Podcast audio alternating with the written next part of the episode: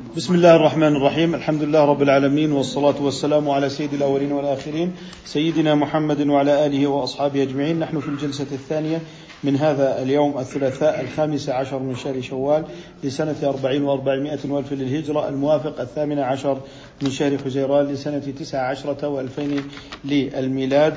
وقد وصلنا إلى عند قوله أعني قول المصنف رحمه الله تعالى ومن الفرائض بر الوالدين. تفضل دكتور أيمن. قال المصنف رحمه الله تعالى ونفعنا بعلمه وعلمكم في الدارين. ومن الفرائض بر الوالدين وإن كان فاسقين وإن كان مشركين فليقل لهما قولا لينا وليعاشرهما بالمعروف ولا يطعهما في معصية كما قال الله سبحانه وتعالى. وعلى المؤمن أن يستغفر لأبويه المؤمنين وعليه موالاة المؤمنين والنصيحة لهم. ولا يبلغ أحد حقيقة الإيمان حتى يحب لأخيه المؤمن ما يحب لنفسه. كذلك روي عن رسول الله صلى الله عليه وسلم وعليه أن يصل رحمه. جزاكم الله خيرا وبارك الله فيكم. آه بدأ يتكلم عن الفرائض التي منها بر الوالدين. وإن كانا فاسقين. الفسق قد يكون بالاعتقاد وقد يكون بالجوارح. وإن كانا مشركين أي كانا كافرين فقد يكون الفسق بالجوارح كأن يكون يأكل الحرام يفرط في الفرائض وينتهك المحرمات. هذا يكون فسق جوارح. أما فسق الاعتقاد كأن يعتقد الاعتقادات الباطلة كأن ينكر السنة أو ينكر مثلا رؤية الله في الآخرة وما إلى ذلك من بدع الطوائف. وما إلى ذلك من بدع الطوائف. هذا بالنسبة لفاسق الاعتقاد. قال وإن كانا مشركين أي إذا كان الوالدان مشركين أي كافرين فليقل لهما قولا لينا. فليقل لهما قولا لينا. الآن القول اللين ولو مع الأبوين الكافرين يكون بعدم رفع الصوت فوق صوتهما. يعني الوالد الكافر لا ترفع صوتك فوق صوته. كذلك ما يتعلق بالقول اللين ولو كانا مسلمين أيضا طبعا هذا أيضا في المسلمين. أن تدلهما إذا كانا مسلمين على ما ينفعهما في دينهما كتعليم الصلاة وبيان الأحكام. هناك الأمهات ربما لم ينلن نصيبا من التعليم فعلى البنات والأولاد أن يتعاهدوا أمهاتهم وآبائهم بحفظ الفاتحة بحفظ ما تصح به الصلاة ببيان أحكام الصلاة. كذلك البر بالإحسان بكل وسائل الإحسان. إن كانا كافرين فإنه يبرهما ببعض الأفعال كأن يعطيه يعطيهما ما ينفقان على نفسيهما في العيد، يعني يوسع على أبويه في عيد دينهما. في عيد دينهما. وإن احتاجا إلى الحمل إلى الكنيسة أن يحملهما إلى الكنيسة. لكن لا يعطيهما ما ينفقان به على الكنيسة أو ما يعطيانه للقس اللي هو رجل الدين. هو إحنا بنسميه القس اللي هو بفتح القاف. نعم؟ يقال القس لكن وجدت الصحيح القس بالفتح. وأصلها من هو خبير بالإبل. أصلها من هو خبير بالإبل ويعنى وله دراية بها. يعني هو رجل لا هذيك من قصه بالصاد. هذه قسس بالسين فهي من يكون له خبرة بالإبل.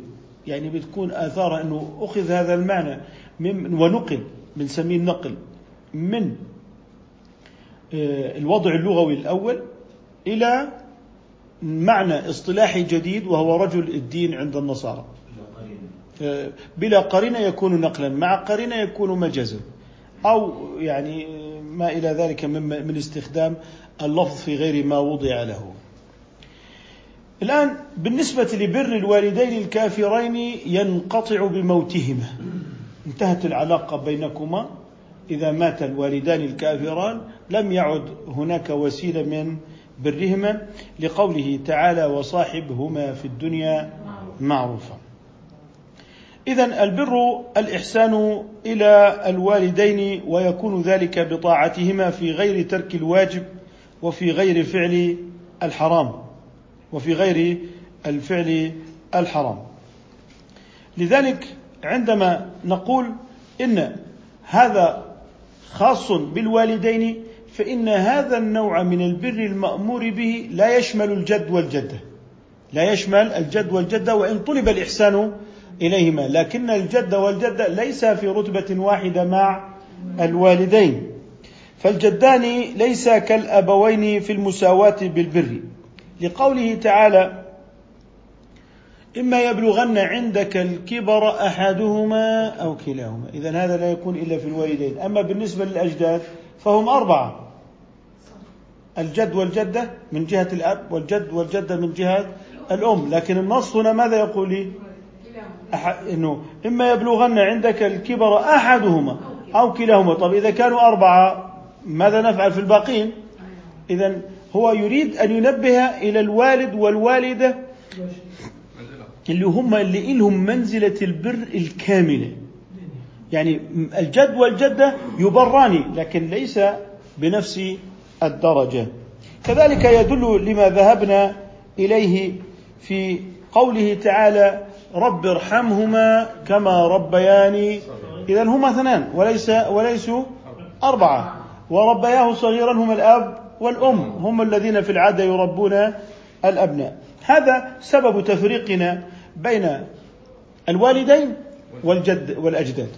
لأنه لو كان عندك الوالدان مع الأجداد يكون ستة إذا يزاد في الدعاء بالبر للوالد الفاسق. للوالد الفاسق يعني الوالد الفاسق يستحق منك دعاء أكثر. الوالد الفاسق يستحق منك دعاء أكثر لأنه أكثر حاجة من غيره. لا هذا مش في ليس في المشركين. المشركون انقطعوا إلا في الدعاء لهم بالخير وليقصد بالخير هو الهداية. آه. آه. حتى لو فاسق الاعتقاد طالما أنه في دائرة الإسلام. الكلام عن الدعاء لهم بعد موتهم يعني. وقبله وقبله الوالد الفاسق يزاد في الدعاء. يزاد له في الدعاء لأنه أحوج. آه لأنه أحوج. نعم وحتى يجوز الدعاء للوالدين الكافرين أثناء حياتهما. وكأن تقول رب أدخلهما الجنة على سبب الإسلام. يعني أنت قلت رب أدخلهما الجنة وتقصد أن سبب دخول الجنة هو الإسلام فيكون هذا من الدعاء الجائز. هذا من الدعاء. رب اغفر لهما على تأويل دخلا في الإسلام. يعني الكلام في في الوالدين أثناء حياتهما في الدعاء لهما فهو محمول على سبب الإسلام. قلت رب اغفر لوالدي على محمول على سبب الإسلام. لا يعني له تأويل أما بعد الموت انقطع هذا التأويل ولم يعد له وجود. لماذا؟ خلاص فات الفوت ومات وانتهى الأمر. إذا بالنسبة للدعاء للوالدين يكون فيما هو جائز قبل الموت للجميع وفي حال الكافرين يتأول كما قلت وبعد الموت ينقطع الدعاء للوالد الكافر. الآن عندنا نقول أمر الوالد ولده أو الأم ولدها بالفطر في النافلة. محمول على أن هذا الصوم نافلة. وقد أمراه من باب الشفقة عليه لا من باب كراهية الصوم. يعني أشفقا على هذا الولد بهما الشفقة والرحمة والعطف على هذا الولد فأمره بالفطر فيجب عليه أن أو عفوا فيجوز له أن يجيبهما إلى لوجود أمر من الشارع أيضا بالإتمام. ولذلك يجوز له أن يطيعهما ولا يقضي ولا يقضي ولا يقضي هذا أمر مهم. إذا هذا في غير إدامة الصوم. أما إذا كانا سيمنعانه من الصوم ودوامه إنه لا تصوم بالمرة لا الموضوع لم يعد شفقة الجد ليس كالأب في هذا. فلو أمر الجد آه، الولد بالفطر ليس كأمر الوالد كما بينا. بر الأم أوجب من بر الأب. الشريعة في هذا لا تنظر إلى موضوع ذكورة وأنوثة لا تقسم أحكامها هذه القسمة التي يعاني منها الفكر الغربي. الفكر الغربي مسكون بالوسواس القهري في العلاقة بين المرأة والرجل والإنسان والدين والنص والوحي والعقل والطبيعة. هو فكر مدمر بالتناقضات. الشريعة تنظر في مصالح العباد. الأم أضعف من الأب. الأب يشتكي للمحكمة. الأم لا تشتكي. الأم عندها وفرة عواطف بحيث تضحي بنفسها خلافا للأب. فلذلك هنا حالة حاجة أكبر من حاجة الأب. الأب يخاصم أولاده. الأم تترضى عليهم بالرغم من شقاوتهم وفسادهم في حقوق الأم. لذلك هذا الأمر اقتضى توكيدا. الأب ممكن أبنائه يهابونه. لكن ممكن ما يهابوا الأم لذلك الأم تشكو شقاء الأولاد للأب وتهددهم بأبيهم. ليه؟ لأنه هي عندها وفرة من الشفقة تمنعها من إنزال عقوبات شديدة. فلذلك هذه الأم فيما يتعلق بطبيعتها هي أحوج إلى البر من الأب. لذلك أكد النبي صلى الله عليه وسلم في حديث أبي هريرة على بر الأم على الإحسان للأم. إذا هناك مراعاة للحاجة الطبيعية للمرأة في مزيد الرعاية آه، جعل للأم مزيد رعاية على الأب لأنها أحوج إلى تلك الرعاية وجعل الولاية للأب لأنه هو الرشيد المالي الذي يعرف مشكلات الزمان ويعاني من الواقع ويعرف مشكلاته. وبناء على هذا الشرع عندما يقسم الحقوق والواجبات ليس باعتبار حياكم الله ليس باعتبار الأنوثة ولا باعتبار الذكورة إنما باعتبار المصلحة لجميع الأطراف ومن هنا المصلحة الشرعية ممتدة. المصلحة الشرعية ليست للمرأة وليست للرجل بل لابد أن تمتد عبر الزمان والمكان وأن تمتد إلى الدار الآخرة. فإن كانت استئثارا للمرأة أو استئثارا للرجل فستكون منفعة فردية خاصة. ولذلك يجب أن تكون المنفعة بشروطها عندنا أن تكون عامة ليست خاصة بفئة دون فئة بل يجب أن يرتد نفعها إلى الجميع. ولذلك فيما يتعلق بالأحكام التي منحت للمرأة وأوجبت عليها وأوجبت عليها فنقول إن الأمر منوط بمراعاة مصلحة عامة للرجل والمرأة. ماذا لو أن الأب طلب من زوجتي من ولده أن يطلق زوجته؟ الآن الأصل في الطلاق أنه مكروه لما فيه من قطع لما فيه من إيجاد الخصومة. لما فيه من إيجاد الخصومة فهو مكروه في الأصل. الآن هذه المسألة في الواقع ليست بهذا الإطلاق إنما أنت أمام حالات فيها مزيد تفاصيل. الآن في الواقع الذي نعيشه. عندما يسأل المفتي سؤالا إن أبي أمرني أن أطلق زوجتي. فيقول مثلا إن أباك هو أوسط أبواب الجنة أو أطع أباك أو آه، يعني أصلح ما بينك وبين أبيك. في الحقيقة هناك بعض التفاصيل الفقهية يجب أن ينتبه إليها. فإن الطلاق في بعض الأحوال يكون حراما. فإن أمر الأب بالتطليق يكون قد أمر بحرام. ومن ثم يكون الأب قد أمر بمعصية كما لو أمر بشرب الخمر. من التطليق الحرام أنه يريد أن يطلق زوجة الابن نكاية فيها. أو نكاية في أهلها أو إخزاء لها فيكون هذا من باب الحرام لأنه نكاية في مسلم.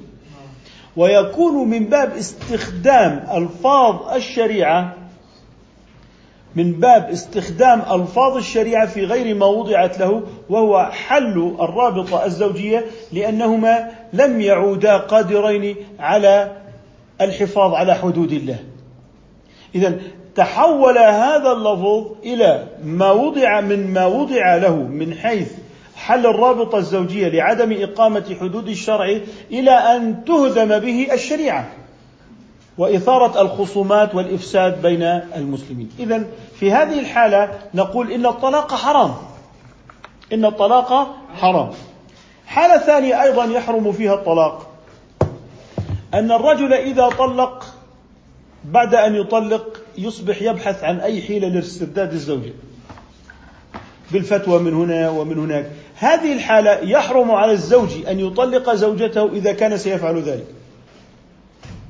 لماذا؟ أنه يطلق الآن ثم يبدأ بالبحث عن فتوى. كنت مغضبا آه، كنت لا أدري ما الواقع كنت في حالة كذا آه، كنت يعني مكرها كنت لا أريد. هذه أيضا حالات يحرم فيها التطليق. لماذا؟ لأنها ستؤدي إلى الحيل. ستؤدي إلى الحيل. طيب. مما يحرم أيضا الطلاق الحرام. يعني نحن نقول لا يطاع الأب في الطلاق الحرام. هذا منها. أن الرجل بعدما يطلق على فرض أنه طلق هو. فإنه سيبحث عن كيفية إلغاء هذه الطلقة. فهذا من الطلاق الإيه؟ المحرم. وهذا عليه أكثر المطلقين. طيب. فإن كان إذا طلق يحتاج زواجا. وإذا كان يحتاج زواجا لا يوجد عنده ما يتزوج به. وعندئذ قد يصبح دينه في خطر. فأيضا هذا من التطليق الحرام.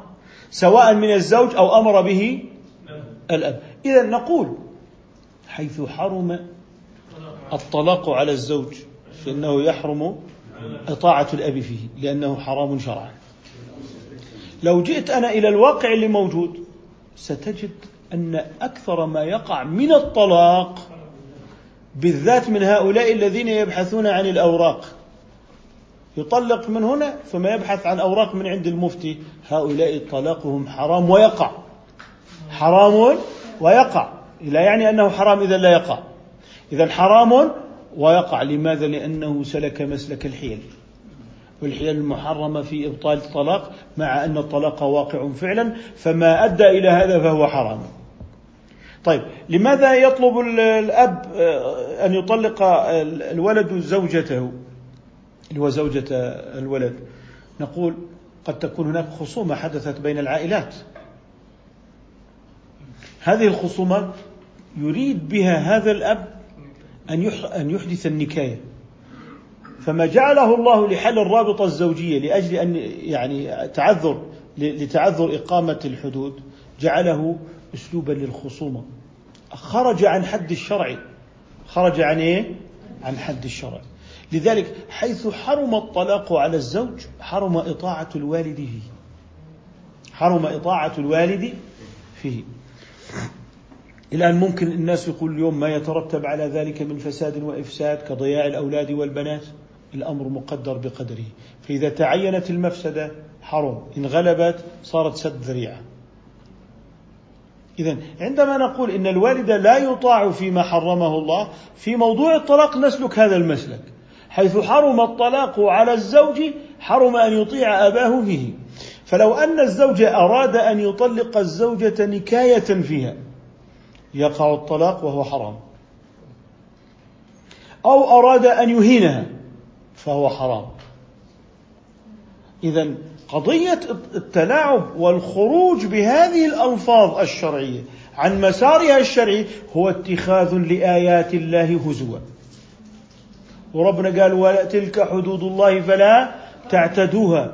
ومن يتعدى حدود الله فأولئك هم فلما كان ظالما حرم إطاعته في هذا الظلم. فإذا جئنا إلى ألفاظ الطلاق السائرة اليوم. نجدها في كثير كثير منها. خرجت عن الطلاق المباح والمكروه أو المفروض. لكن لو أن حالة الطلاق فرض واجبة مثل أنه هاي المرأة آه، ممكن تدخل الشك عن نسب لارتكابها الفواحش. فإذا بلغت إلى حد أن يدخل الشك في النسب وجب الطلاق. لماذا؟ لأنه يضيع النسب. إذا آه هون صار فرض عندي. لكن هو في الأصل مكروه. لما فيه من اللي هو التباعد. آه التباعد. يعني هذه المرأة على فرض أنها أتقى الناس والزوج أتقى الناس بعد الطلاق يصبح هناك تباعد هناك ما إلى ذلك بين العائلات مهما بلغوا من التقوى. إذا لما فيه من التباعد قلنا بالكراهة. واضح؟ إذا حيث حرم الطلاق حرم إجابة الوالد إليه لأنه طاعة في معصية الله. وإذا تأملنا واقعنا اليوم فإن هذه الطلاقات الواقعة التي تزدحم هؤلاء الذين تزدحم بهم أروقة الفتوى لاستصدار أوراق عدم وقوع الطلاق وقد وقع الطلاق. إنما يدخلون فيما حرمه الله وبناء عليه فإن الذي أدخلهم في هذا الحرام هو الطلاق الحرام. هو الطلاق الحرام. إذا نؤكد على أن ما هو طلاق حرام لا يجوز إجابة الوالد إلى ما يعني طلبه لأنه لا طاعة في مخلوق لمخلوق في معصية الخالق. إذا حكمنا في أمر الأب للولد بأن يطلق الولد زوجته زوجته الرجوع إلى أحكام الطلاق. ما حرم منه؟ حرم على الوالد والولد. ما جاز منه؟ جاز للوالد والولد. واضح؟ ما كره ما وجب وما إلى ذلك. يعني إذا الوالد رأى أن هذه المرأة تدخل الشك في النسب فأمر الولد بالتطليق. هذا أمر بالواجب ويجب أن يمتثل له الولد لأن الأب أمر بالمعروف ونهى عن المنكر لأنه بكرة في المستقبل ممكن يصير في لعان. صح واللعان أمر ليس بالأمر الهين. وبالتالي ننتبه إلى ذلك. أما بالنسبة للحديث أنت ومالك لأبيك لما قال وليعاشرهما بالمعروف إنه الولد في يوم من الأيام لما بيدخل على أبوه يدخل بما يسر والده من هدية من شيء يعني يدخل به السرور عليه. لكن هل للأب أن يستولي على مال ولده؟ نحن نقول أنت ومالك لأبيك أن اللام هنا للإباحة. كما تقول الحديقة للحي. الحديقة لنا جميعا. فهذه اللام تفيد الإباحة. أي أننا نستفيد منها استفادة مباحة. أين الصارف؟ قوله تعالى يا أيها الذين آمنوا لا تأكلوا أموالكم بينكم بالباطل إلا أن تكون تجارة عن تراض منكم. فاعتبر الرضا. فلو أخذ الأب مال ولده بغير رضاه هل يكون الأب قد خالف الشرع أم لا؟ إذا يحرم على الأب أن يأخذ مال ولده من غير الرضا لابد أن يرضى ولده. وكثير من الآباء ممن أخذوا الحديث على ظاهره أصبحوا يتملكون شقاء أولادهم ففسد ذات البين. فسد ذات البين بمعنى أنني أملكك. لذلك أنت لا تملك الولد لأنه حر ولا تملك بيعه. فأنت عندما تقول أنت ومالك لأبيك إذا كانت ملكية فيجوز للأب أن يبيع ولده. فإذا جعلتها للملك جاز لك بيعه. وهل هذا حدث؟ أنه يباح للأب أن يبيع أولاده؟ الأحرار. إذا اللام لا يمكن أن تكون هنا للملك. إنما هي لام الإباحة. إنما هي لام الإباحة. فيباح لك من مال ولدك أن تستفيد منه تركب سيارته وتزوره وتنتفع. وتنتفع. إذا هي إباحة الانتفاع بدليل الإجماع على أن مال المسلم حرام على المسلم. الحديث معروف في حجة الوداع. ألا إن دماءكم وأموالكم تشمل الآباء والأبناء أم لا؟ تشمل. طيب ويا أيها الذين آمنوا لا تأكلوا أموالكم بينكم بالباطل تشمل الأبناء والآباء ولا لا؟ إذا نحن رجعنا على الأقيسة والأصول والقواعد وفسرنا حديث أنت ومالك لأبيك على وفق أصول وقواعد فخلصنا إلى أن معنى اللام هنا لام الإباحة. لام الإباحة وليست لام الملك. وسخر لكم. هاي لام الإباحة وليست لام الملك في سياق الحديث دكتور ورد الصورة توحي بالقصة التي حدثت بأنها للملك. شوف تستدل بالسياق والمناسبة؟ تستدل بالمناسبة؟ هذه المناسبة ماذا تفعل في هذه الأصول؟ المناسبة حدث. لا يخصص النص الذي وردت عليه فكيف بالنصوص التي لم ترد عليه؟ إذا أنت عليك لا يصلح لتخصيص النص الذي ورد على سببه أليس كذلك؟ فما بالك بالنصوص الأخرى؟ ما بالك بالأصول؟ لذلك عندما يقال إن المالكية يقدمون خبر الواحد على القياس ليس قياس العلة إنما هو الأصول التي ثبتت بكثرة النصوص والقواعد. وبالتالي عندما تأتي وهنا قضية مهمة. ما هو معيار الحديث الشاذ؟ الذي خالف متنه متن من هو أوثق منه. طيب فإذا جاء متن حديث خالف ما هو أوثق منه من الأصول والقواعد من باب أولى من باب إيه؟ أولى وبالتالي إما أن تسلك مسلك الجمع وها نحن قد سلكنا مسلك الإيه؟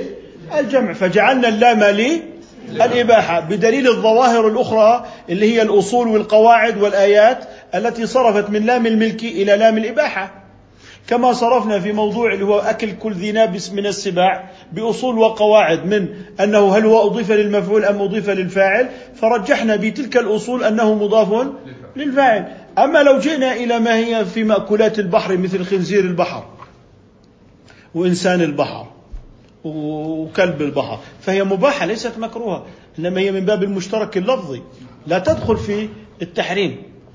اللي هو في تحريم الخنزير. لماذا مشترك لفظي؟ أحل لكم صيد البحر وطعامه. فهنا الإحلاء الحل خاص بالبحر وهو أقوى من موضوع اللي هو الخنزير. قل تعالى واتلوا وبعدين تأتي مثلا آيات اللي هي لا ولحم الخنزير. تلك هذه أحل لكم صيد البحر فيما يتعلق بصيد البحر فإنه أخص في الإباحة. الان لو قلنا فيما يتعلق بحديث النعمان بن بشير أن الأب أراد أن يخص أحد أبنائه بعطيه الحديث ألا تحب أن يكونوا لك في البر سواء؟ فالى ما أرجع القسمة إلى ما يحب أم إلى الشرع؟ قالوا إلى ما يحب. قال ألا تحب؟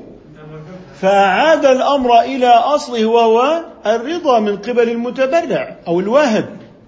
قال لا تحب إذا منوط الأمر بالمحبة.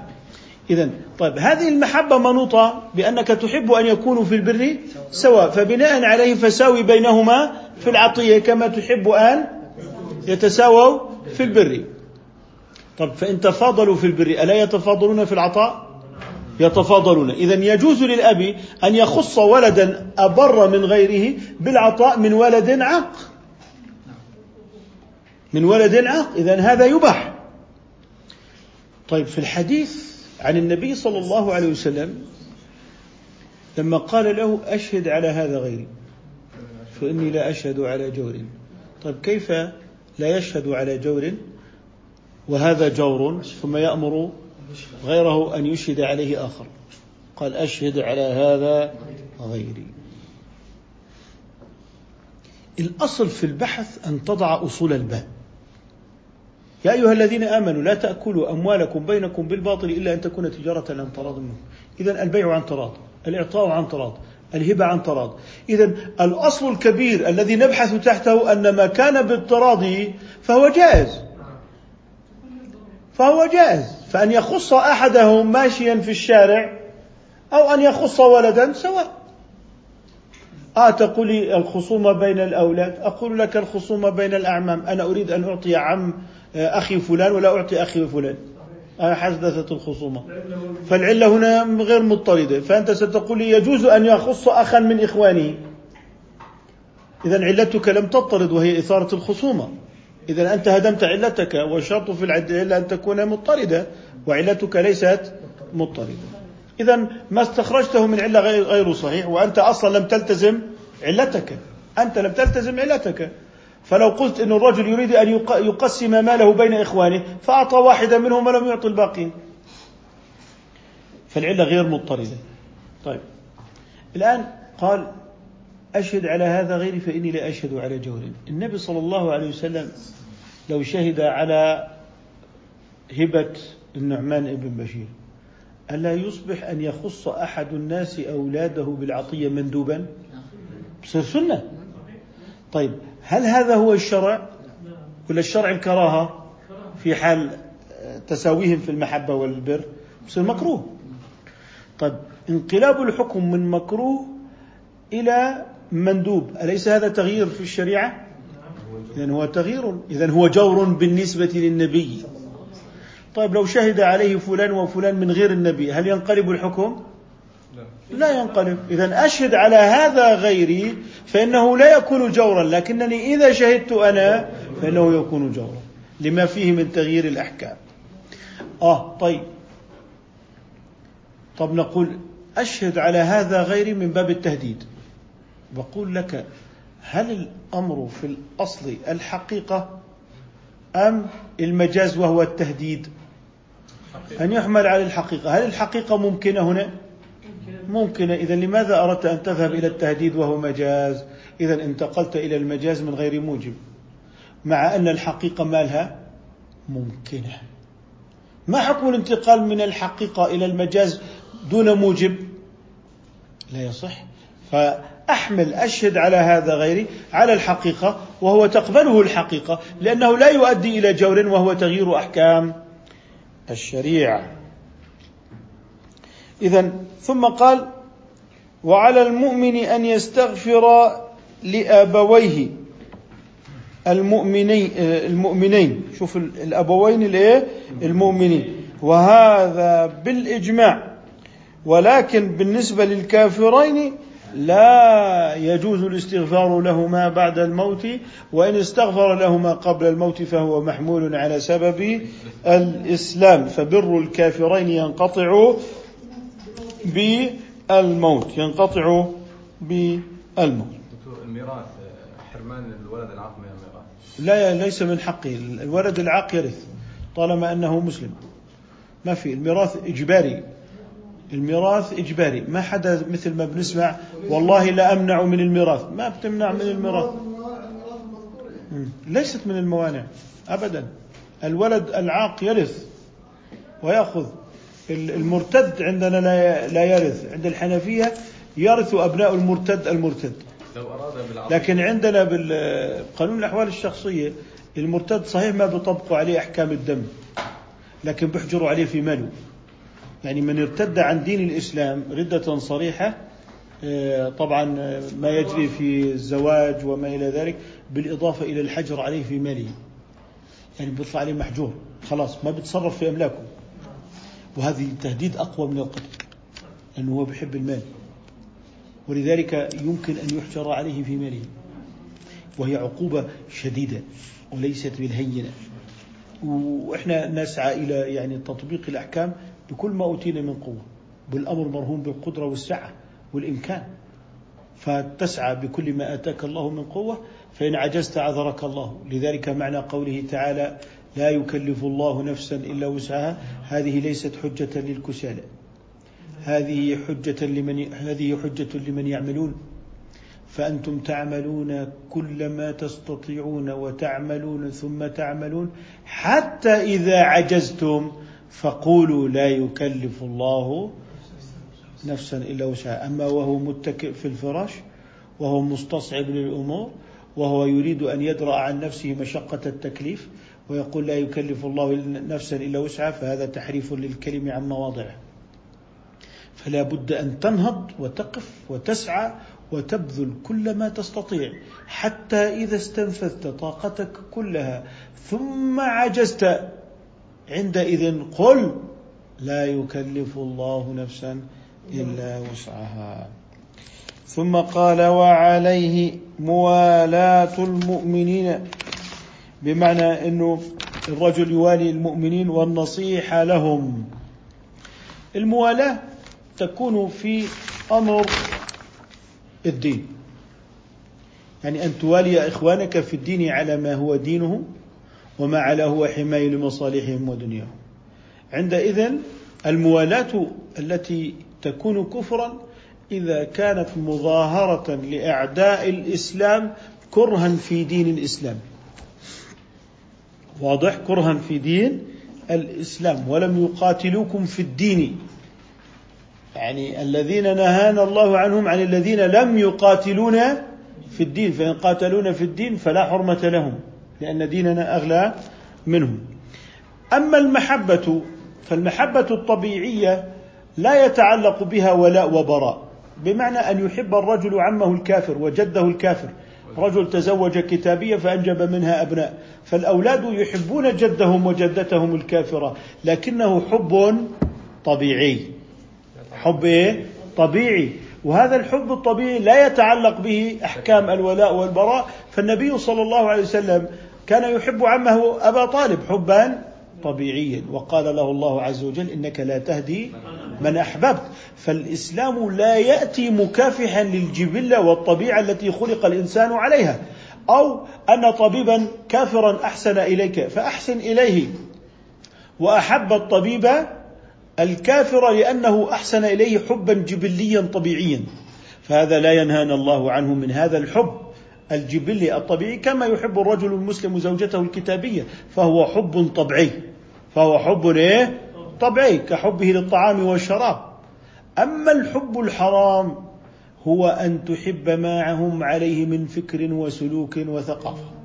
فهذا هو الذي أنذر منه الشارع لأنه سيؤدي إلى التقليد في السلوك. فعندما يحب هذا الممثل الذي يمثل دورا ما في في طريقته في القتل وفي طريقته في البطولة فتصبح تغرس في نفوس الجيل. هذه النماذج الفاسدة من البطولة التي تؤثر في الدين. مثل اللي هو محبة من يسمون بالفنانين والفنانات فهذا يورث سلوكا لأنه هو يحب السلوك. يحب الايه؟ السلوك بعد قليل فإن هذا الشاب سيبدأ, سيبدأ بتقليد ذلك الممثل أو تلك الممثلة أو ما إلى ذلك في سلوكهم المنحرف. في سلوكهم المنحرف. إذا فيما يتعلق بالاعتقاد كأن يرى أن أوروبا هي النموذج الذي يحتذى في القانون والفكر والسلوك. بينما إذا جاء يتحدث لنا عن المختبر والرقي في الطب والبحث الأكاديمي تراه غائبا غيبة كبرى. أما حيث جئنا إلى الانحلال والانحراف الذي يصادم العقيدة والشريعة تجده واقفا هناك يعني صلبا جلدا يحارب عن فكر وفلسفة فاسدة. هذا هو المنهي عنه أن تحب أفكارهم وعقائدهم وأن تحب سلوكهم وطريقتهم في العيش فيما يتعلق بين الرجل والمرأة وفي نظام الأسرة وطرق الاقتصاد التي تخالف الشرع. اذا المحبة المنهية عنها هذه أما المحبة الطبيعية فلا نهي فيها. الحلف الاقتصادي ليس ولاء ولا حلف اقتصادي عملنا محالفه اقتصادية مع اليابان. ومكاسب لنا ومصالح لنا. هذا مال اقتصادي. هل يشترط في الشراكة في الشركة في الإسلام أن يكون الشريك مسلما؟ بالإجارة بالبيع؟ فيها اشتراط أن يكون مسلما؟ لا. اشتراط أن يكون ذكرا أو أنثى؟ لا. اشتراط أن يكون أهلا للتعاقد. وبناء عليه ما نبرمه من عقود تجارية نحرص فيها على مصالح المسلمين هذا لا علاقة له في الولاء والبراء من قريب ولا من بعيد. الإذن لهم بالتجارة فيما يعود علينا نحن بالمنفعة. غدا تحتاج إلى تدريب أيدي عاملة فنية ماهرة في صناعة السيارات فأذنت في منطقة عندك مهملة أن يبنى مصنع سيارات هيونداي مثلا. لتدريب أبناء المسلمين بحيث تصبح أيديهم ماهرة توفر لهم سوق العمل. تقول هؤلاء بوذيون؟ ممكن المسلمين يصيروا كفار بوذيين. هذا لا تناط به الأحكام بهذه الاحتمالات والشكوك. بل على العكس إذا ثبتت المصلحة أو رجحت المصلحة تقدم على سد الذريعة. قال ورجح الإصلاح كالأسارة تفدى بما ينفع ينفع للنصارى. بمعنى أنه أنت إذا آه، وجدت مصلحة وخشيت من مفسدة غير متحققة قدم المصلحة. قدم المصلحة. لا أن يتحول سد الذريعة إلى يعني سلة من الهواجس التي ترد بها المصالح وترد بها بها منافع المسلمين ونصبح أمام حالة وسواس قهري باسم سد الذريعة.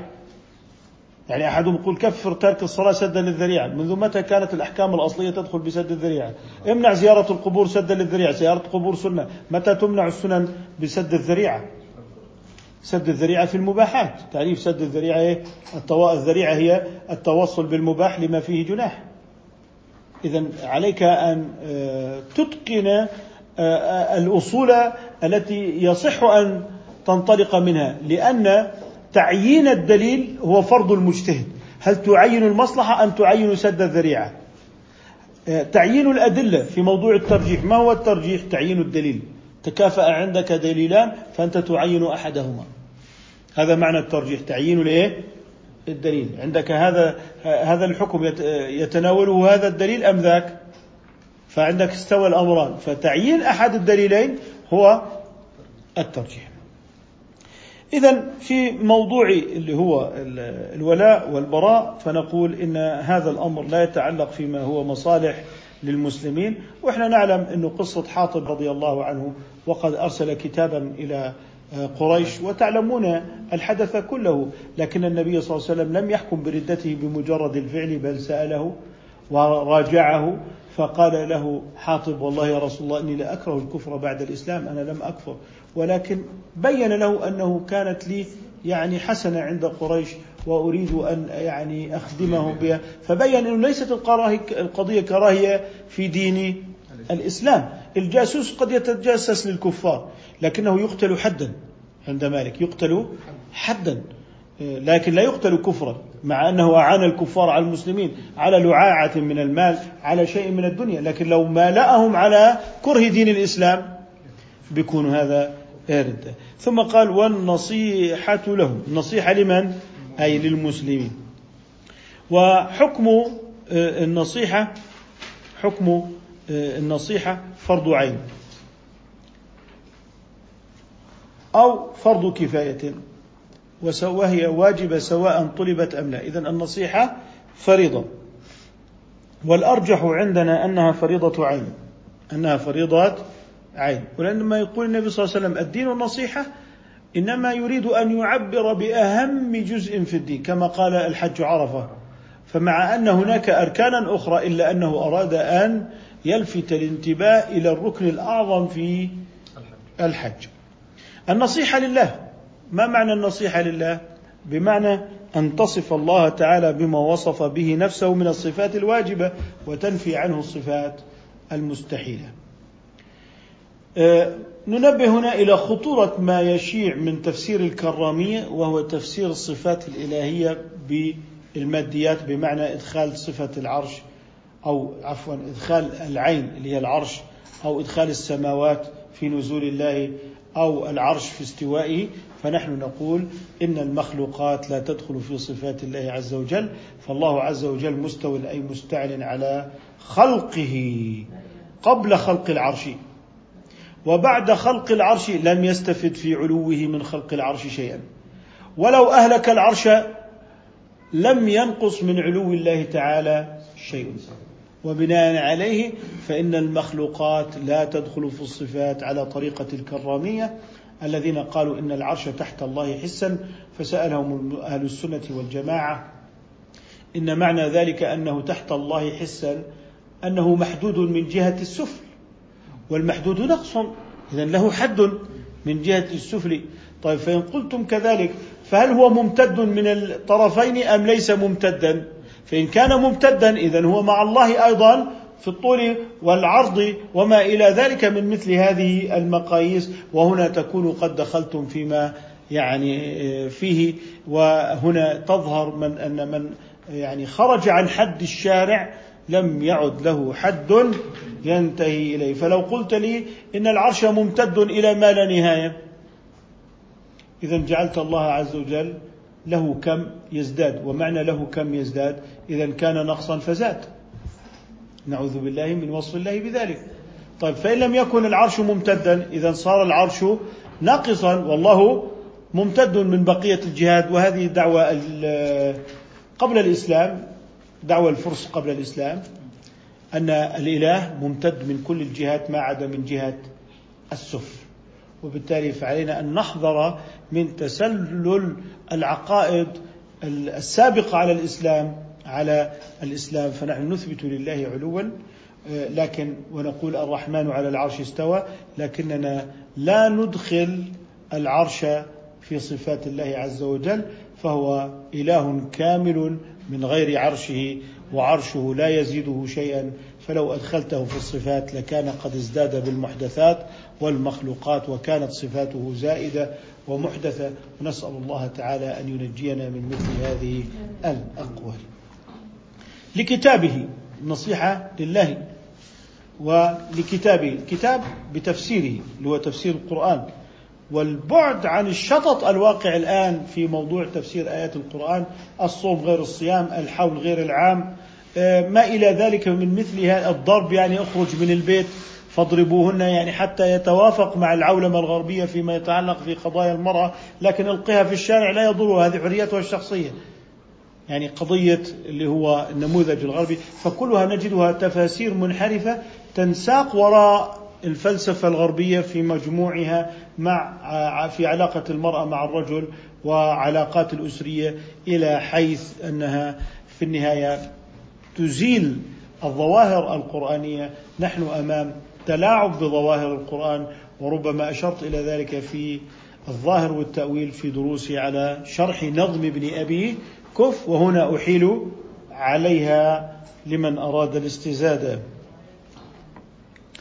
لرسوله الإيمان بكل ما جاء به عليه الصلاة والسلام وتعلم سنته وتعليمه للناس ولأئمة الإسلام أي طاعة هؤلاء الأئمة فيما أطاعوا الله فيه ومعصيتهم فيما عصوا الله فيه أو لعامتهم أن يرشدهم ولا يغشهم وينصح لهم. نصيحة واجبة سواء طلبوا النصيحة أم لم يطلبوها. إذا النصيحة واجبة سواء طلبت أم لم تطلب. يعني لا تقول والله لم يطلبها مني. لم يسألني النصيحة. لم يسألني. إذا يجب عليك أن تبذل النصيحة يعني وإن لم تطلب منك. هذا فيما يتعلق ب بالموالاة. في قضايا الموالاة أحيانا يعني تبرز بعض المسائل في العزاء عزاء الكافر في من مات له من مسلم أو عزاء المسلم فيما مات له. من كافر وهذا جائز ولا حرج فيه. زيارة الكافر في مناسبة شفاء أو بناء منزل أو يعني مصلحة دنيوية حصلت له كنجاح وما إلى ذلك فهذه العلاقات لا تدخل ضمن الولاء والبراء. أما ممالأته على عقيدته وقو وصفها بالصحيحة وأنها يعني عقيدة معذور صاحبها وأنها لا عذاب فيها وما إلى ذلك فهذا هو مع الأسف الخروج عن حدود الشرع وتصحيح ديانات باطلة فاسدة أنكرها الشرع وأصبحت من الأمر بالمنكر والنهي عن المعروف. نكتفي بهذا القدر إن شاء الله تعالى. سبحانك اللهم وبحمدك نشهد أن لا إله إلا أنت نستغفرك ونتوب إليك.